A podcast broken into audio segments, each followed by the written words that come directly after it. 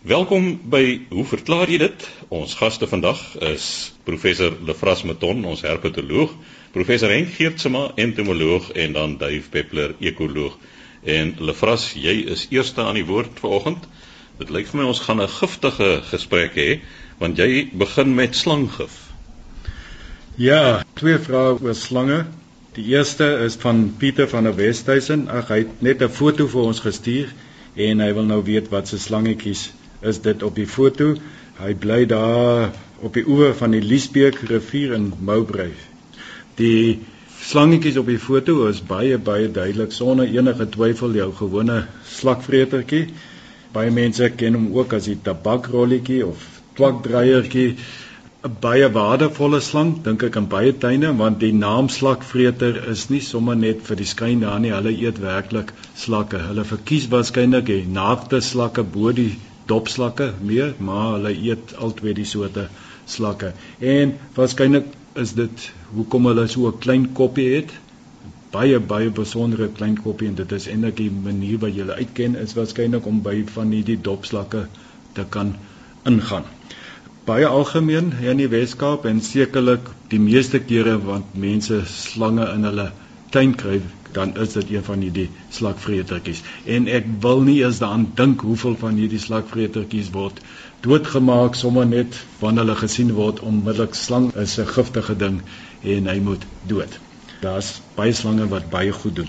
Die tweede vraag is van François Tron, hy is hierso van Ceres en hy sê hy is nou nie eintlik 'n liefhebber van slange nie, maar hulle interesseer hom En wat hy wil weet is eerstens hoe fabriseer 'n slang sy gif en dan indien twee giftige slange sou baklei, byvoorbeeld 'n pofadder en 'n kobra, sal die een vrek as die ander een hom dan nou pik.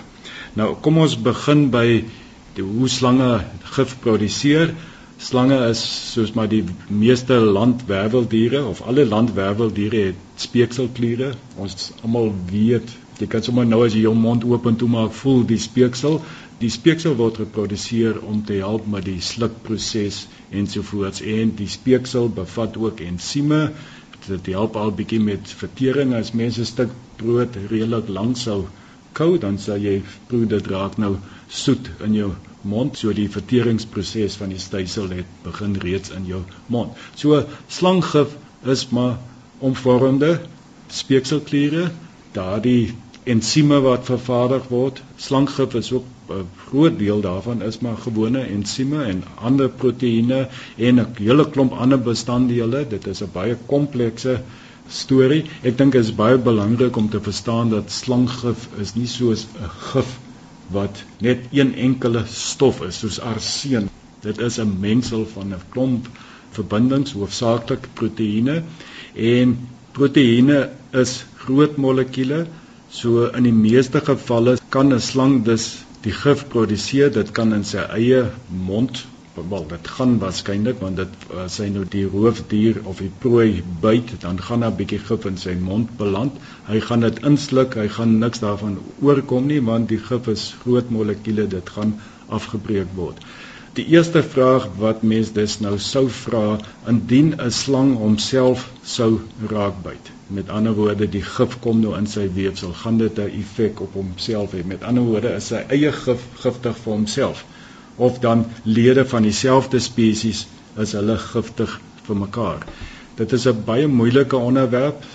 Mense sou verwag dat alle slange immuun is ten minste teen hulle eie gif of die gif van hulle eie spesies. Daar is verskeie gevalle al gewees waar 'n slang homself raak gebyt het en dan ontstaan daar wel die simptome verskyn van die byt, maar nie die hele spektrum van simptome nie. So asof daar elemente is wat tog 'n effek het en ander elemente het dan nie effek nie.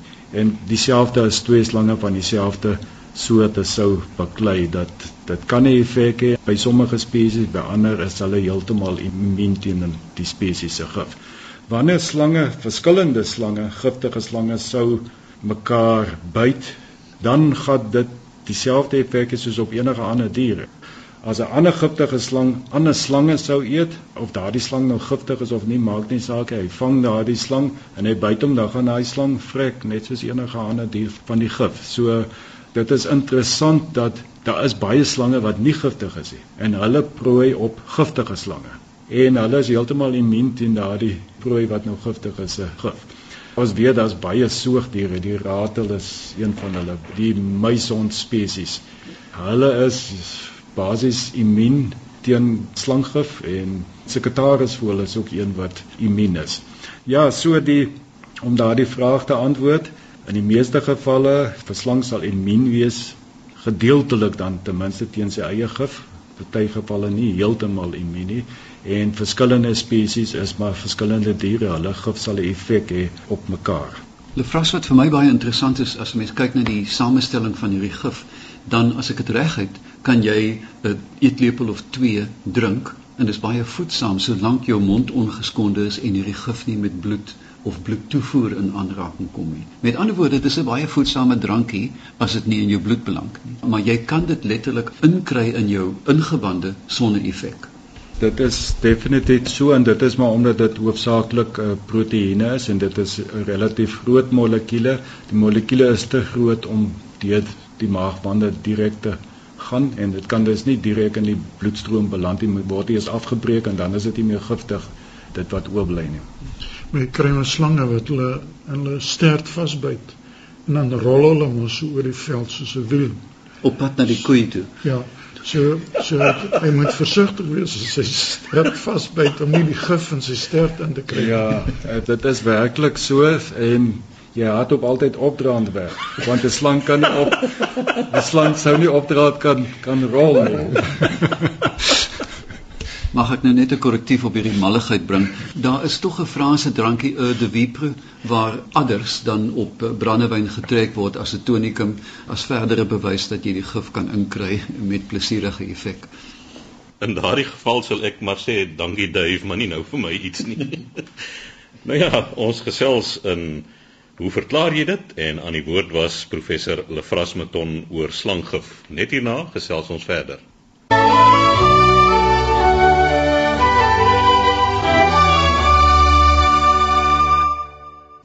Ons gesels verder in hoe verklaar jy dit? En ons drie spanlede vanoggend dan professor Henk Geertsma, entomoloog, Lefras Mouton, herpetoloog en Dave Peppler, ekoloog. Henk, jy gesels nou en jou vraag handel oor perdebye. Ja, ek het hier twee briewe. Die een is van Jan Rodriguez, e-pos wat hy vir my gestuur het. Hy stuur toe 'n foto en hy vra vir my is dit nou Belanogaster jonkeus. Nou, ek het 'n bietjie gekyk na die perdebye Dit is 'n Belanogaste spesies, maar ongelukkig ons in ons departement spesialiseer ons eintlik in die Wes-Kaapse wespe en perdebye. So ek kan hom nie verder help met dit nie. Maar weer eens 'n pragtige foto en ek kan ook sien dat daai nes stelsel van hierdie is 'n tipiese papier nes. Kyk, mense kry perdebye wat moderneste bou. Ander hierdie is 'n baie mooi papiernes eintlik. Maar die tweede brief wat ek kry is eintlik 'n bietjie meer amper moet ek sê angswekkend. Dis nie meneer van der Merwe se skuld nie wat dit vir my van Kuilsrivier af gestuur het nie. Maar ek lees die brief. Hy sê ek woon al omtrent 5 jaar in Kuilsrivier, dis hier in die Kaap. En vir jare het vir die eerste keer by in my tuin wat graag nes maak in my opgevoude tuinsambrele. Hulle heg al nessies met steeltjies aan die seil van die sambrele. Die bye is swart en geel gestreep soos heuningbye maar is groter en veral langer en dunner as heuningbye. Hulle is glad nie aggressief nie. Ek merk ook op dat hulle graag my suurlemoenboom besoek. Dis 'n jong boontjie, 1-2 meter hoog, 3 jaar gelede geplant, nog sonder vrugte. Dan sê die bye loop bo op die blare, maar ek kan nie agterkom wat hulle daar doen nie. Daar's geen bloeisels op die boom nie en ook is daar soms 'n wit skimmel wat later swart word en die betrokke blare raak dan verskrompeld. Nou net hierdie laaste sinnetjie, dis natuurlik ander insekte wat dit veroorsaak. Nou wonder ek of die skimmel deur die bye veroorsaak word? Nee. En of die skimmel dalk die bye na my tuin lok? Ook nie. En wat die oplossing is om van die skimmel en die bye ontslae te raak? Dis my vreemd dat beide eers vanjaar hulle opwagting gemaak het. Nou, meneer van der Merwe, ek dink dit het te doen met polistes die uitheemse polistes ons vermoed het gekom met een of ander vraghouer in die land Kuilsrivier is die plek waar die perdebye dis nie bye nie U beskryf hier baie goed perdebye, hulle is langer as bye. En die ding is die groot probleem wat ons nou ervaar is dat hulle in Somerset al en veral volop in Stellenbosch. Met ander woorde, die bye is maar onlangs opgemerk die wespe van of in Europa en hulle is aggressief ten opsigte van ons inheemse pietvonkies. Jy weet pietvonkies hierdie klein rooi perdebytjies. Ons ken dit almal. Hierdie uitheemse een is besig om hulle te verdring. In my eie tuin het ek drie groot uitheemse polistes neste en die rooi pietvonkies wat altyd in my tuin was, het verdwyn. So daar's 'n verplasing daarvan. Natuurlik daar's 'n ander perdeby van Europa, Vespela germanica, die Germaanse wesp wat al lank al in Suid-Afrika is hier van 1976 af. Maar hierdie een is 'n nuwe een. En in ons departement het ons nou 'n werksgroep saamgestel om te kyk nommer 1 wat is die verspreiding van hierdie polistes en wat gaan die verspreiding word want hierdie is werklik 'n bedreiging vir ons inheemse berbebevolking. So baie dankie dat u ons attent gemaak het hierop. Maar nou vra ek byvoorbeeld wat maak die perdebye in die suurlemoenboompie want daar's geen blomme of iets daarop nie en ook die skimmel. Nou die skimmel het niks met die perdebye te doen nie. Wat hierdie perdebye doen is hulle is besig baie aktief met nesbou. Hulle neste is papierneste. Hulle hou daarvan om in skaduryke plekke hulle neste te bou. Die neste word omtrent so 60 individue groot, met ander woorde as mens ek sou skat so 15 cm in deursnit gaan die neste groot word. En jy sal ook sien dat die perdebye raak eers vanaand teen 10 uur in die oggend aktief. So hulle is laatslapers. Dit het natuurlik te doen met die koeler toestande. Wat hulle dan doen na verskillende plante is, hulle is besig om van die plantmateriaal te skraap vir albei stele en stingels. En hulle vorm dan wat ons noem die propolis. En die propolis word dan gebruik om die neste te maak. Want hulle funksie by oomblik of hulle aktiwiteit by oomblik is om soveel as moontlik nasate te kweek. En dit is om die neste te vergroot. Hulle is natuurlik ook baie oulik en dit hulle voed op ruspers. So hulle maak jou tuin werklik skoon. Maar die probleem is nie dat hulle hier is nie, maar die probleem is die verspreiding en die probleem is dat hulle ons biodiversiteit van inheemse perdebye gaan versteur.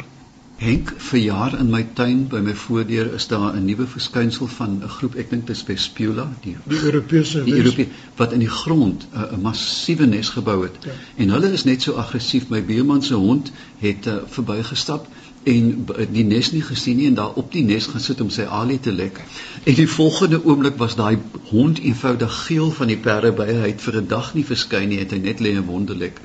Wat ek ook wel sien is dat die Vespula dra ons heuningbye by die trosse aan. Ek is werklik bekommerd daaroor. Ja, die Germaanse wesp maak 'n nes in die grond. En die probleem is in 1976 het ons met die, die ding begin toe ek nog by plantbeskerming gewerk het het ons 'n nes in Nieuweland uitgeroei wat 16000 individue gehad het.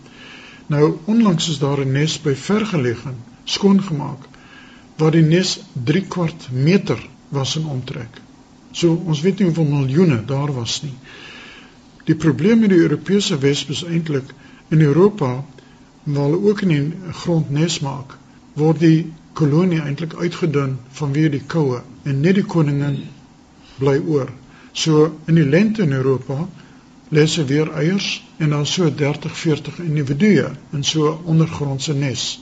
By ons is die winters nie koud genoeg om die werkers uit te roei nie.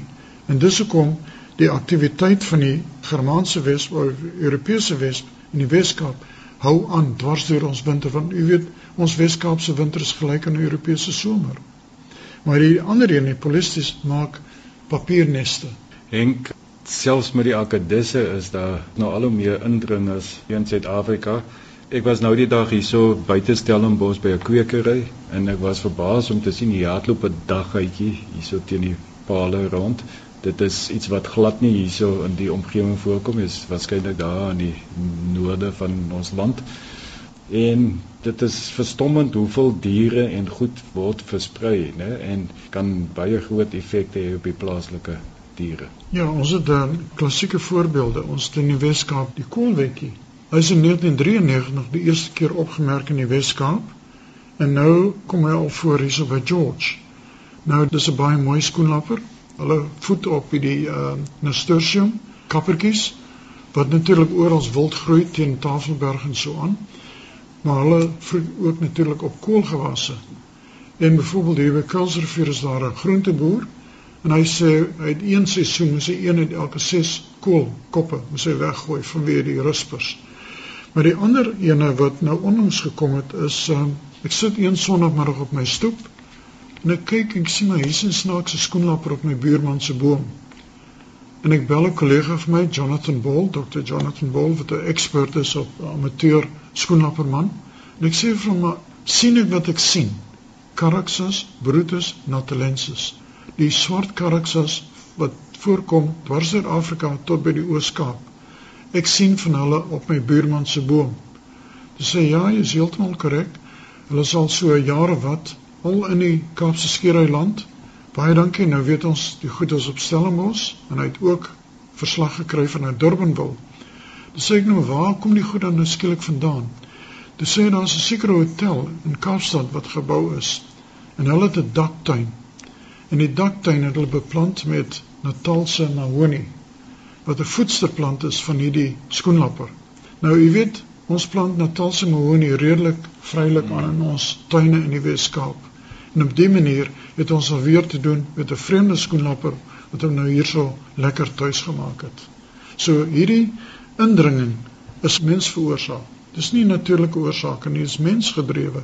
En houers, skeepshouers, dink ek is 'n groot probleem in die opsig. So gesels professor Henk Geertsma.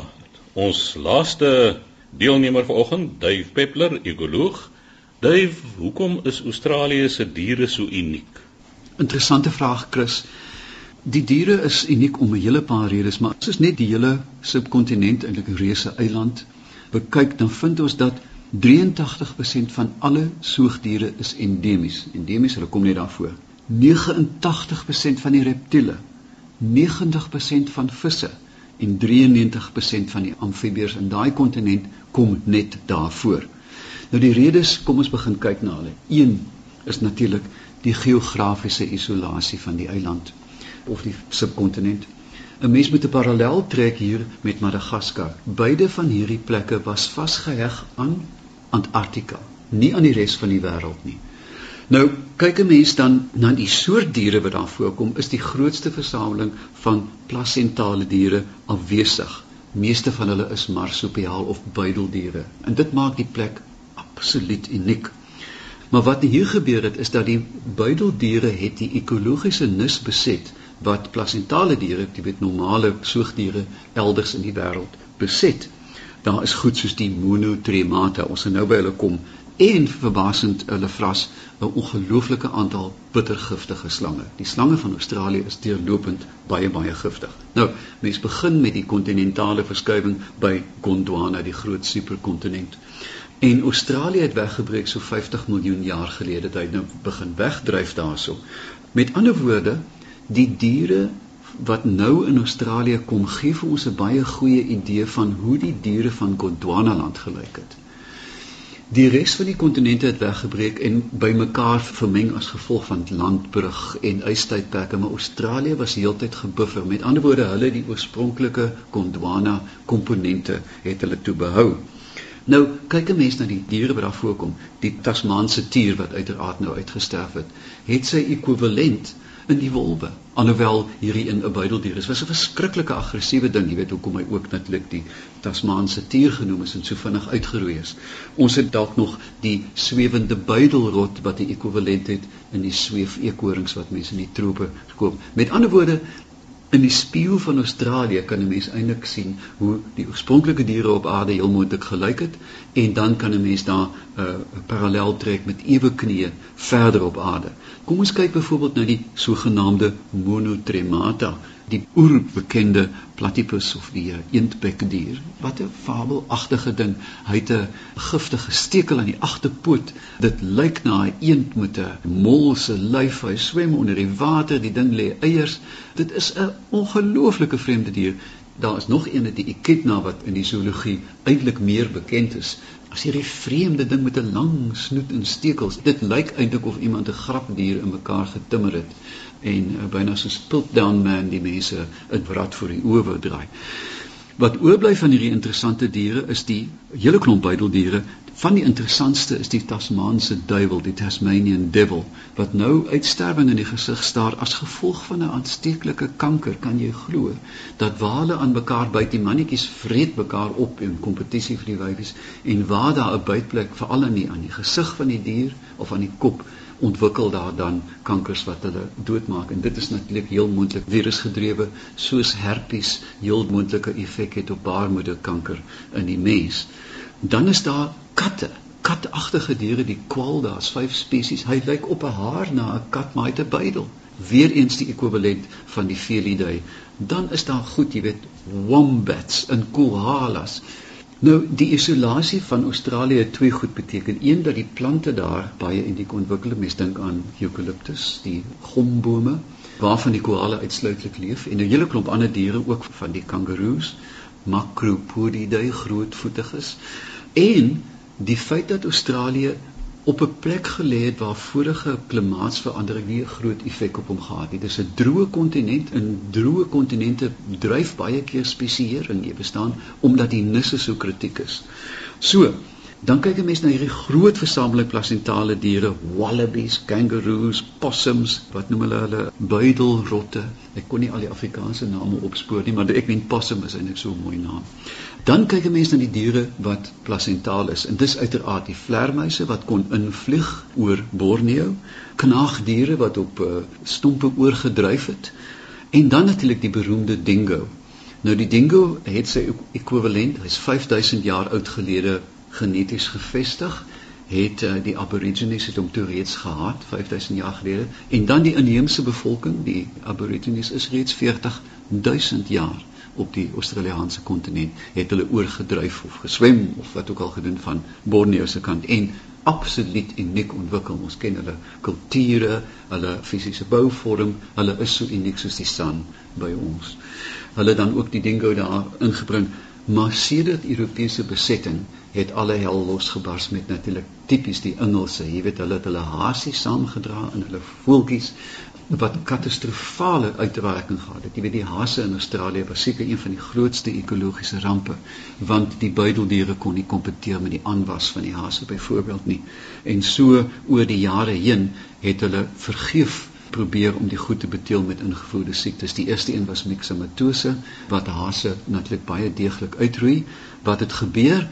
90% van al die hasse in Australië het gevrik en 10% was superhasse toe voer hulle natuurlik hemorragiese koors in wat hier in 1970s in Hongarye ontdek is selfe ding 90% vrek nou die wat oorbly kan nie mixomatose of hemorragiese koors kry nie. Nou het jy 'n hiper hiper hiperaktiewe baie robuuste haas. En hulle moet letterlik die goed fisies uithou. Visse 4000 spesies uniek aan Australië maar omdat dit droog is omtrent net 300 So mens kan afsluit deur te sê dat indien jy enige subkontinent kan afsonder vir lank genoeg soos Madagaskar byvoorbeeld wat nou bietjie nader is aan in die Afrikaanse kus, dan gaan jy verstommende diversie kry en jy gaan die vreemdste goed op aarde kry. Dave, ek dink tog wel jy het dit gesê, daar moet ook genoeg stimulus wees vir spesiasie om plaas te vind of geleentheid vir spesiasie om plaas te vind. Nou soos Australië lê, eerstens Australië is baie groot, so daar gaan baie ekologiese geleenthede wees. Dit is nie net alles droog nie, daar's ook dele wat woude is. So daar's baie diversiteit. En dan ook omdat dit redelik suidelik lê, gaan die klimaatsiklusse gaan redelik dramaties wees, groter as by die trope, so daar gaan daardie voortdurende stimulus wees vir spesiasie om plaas te vind. So 2 weke gelede was hier so 'n persoon, 'n herpetoloog van Australië en hy het 'n absolute fenominale skyfie vertoning gegee oor die pitofauna van Australië. Maar toe praat ons 'n bietjie oor iets soos 900 spesies, weet van reptiele daar. Toe sê ek vir hom maar Suid-Afrika is nie ver agter nie want mens moet dan nou appels met appels vergelyk en as jy die suidelike Afrika vat En nie net Suid-Afrika maar sê nou maar Namibië en Zimbabwe en daardie klomp saam. Dan is ons baie na aan die 900 spesies, jy weet. So ek dink 'n ou moet op bietjie groter kyk. Doodregte vrasse mense so geneig om te dink aan Australië as hierdie stowwerige eindelose landskappe met 'n kangaroo wat vertoing, vertoing, vertoing daar oorspring. Maar dan gaan Darwin toe en jy's in die trope. En Tasmanië is jy byna by die Roaring Forties. So daar is 'n breë ekologiese verspreiding en ook natuurlik in plante groei. Maar as jy dan 'n kern van 'n unieke ding soos 'n buideldier het, gaan hy in al daai plekke die nisse volledig beset. Daar is ons tyd weer verstreke. Ons sê dankie aan Dave Peppler, ons ekoloog, professor Henk Geertsma, entomoloog en professor Lefras Meton, herpetoloog. Skryf gerus aan, hoe verklaar jy dit? posbus 2551 Kaapstad 8000 of stuur 'n e-pos aan chris@rsg.co.za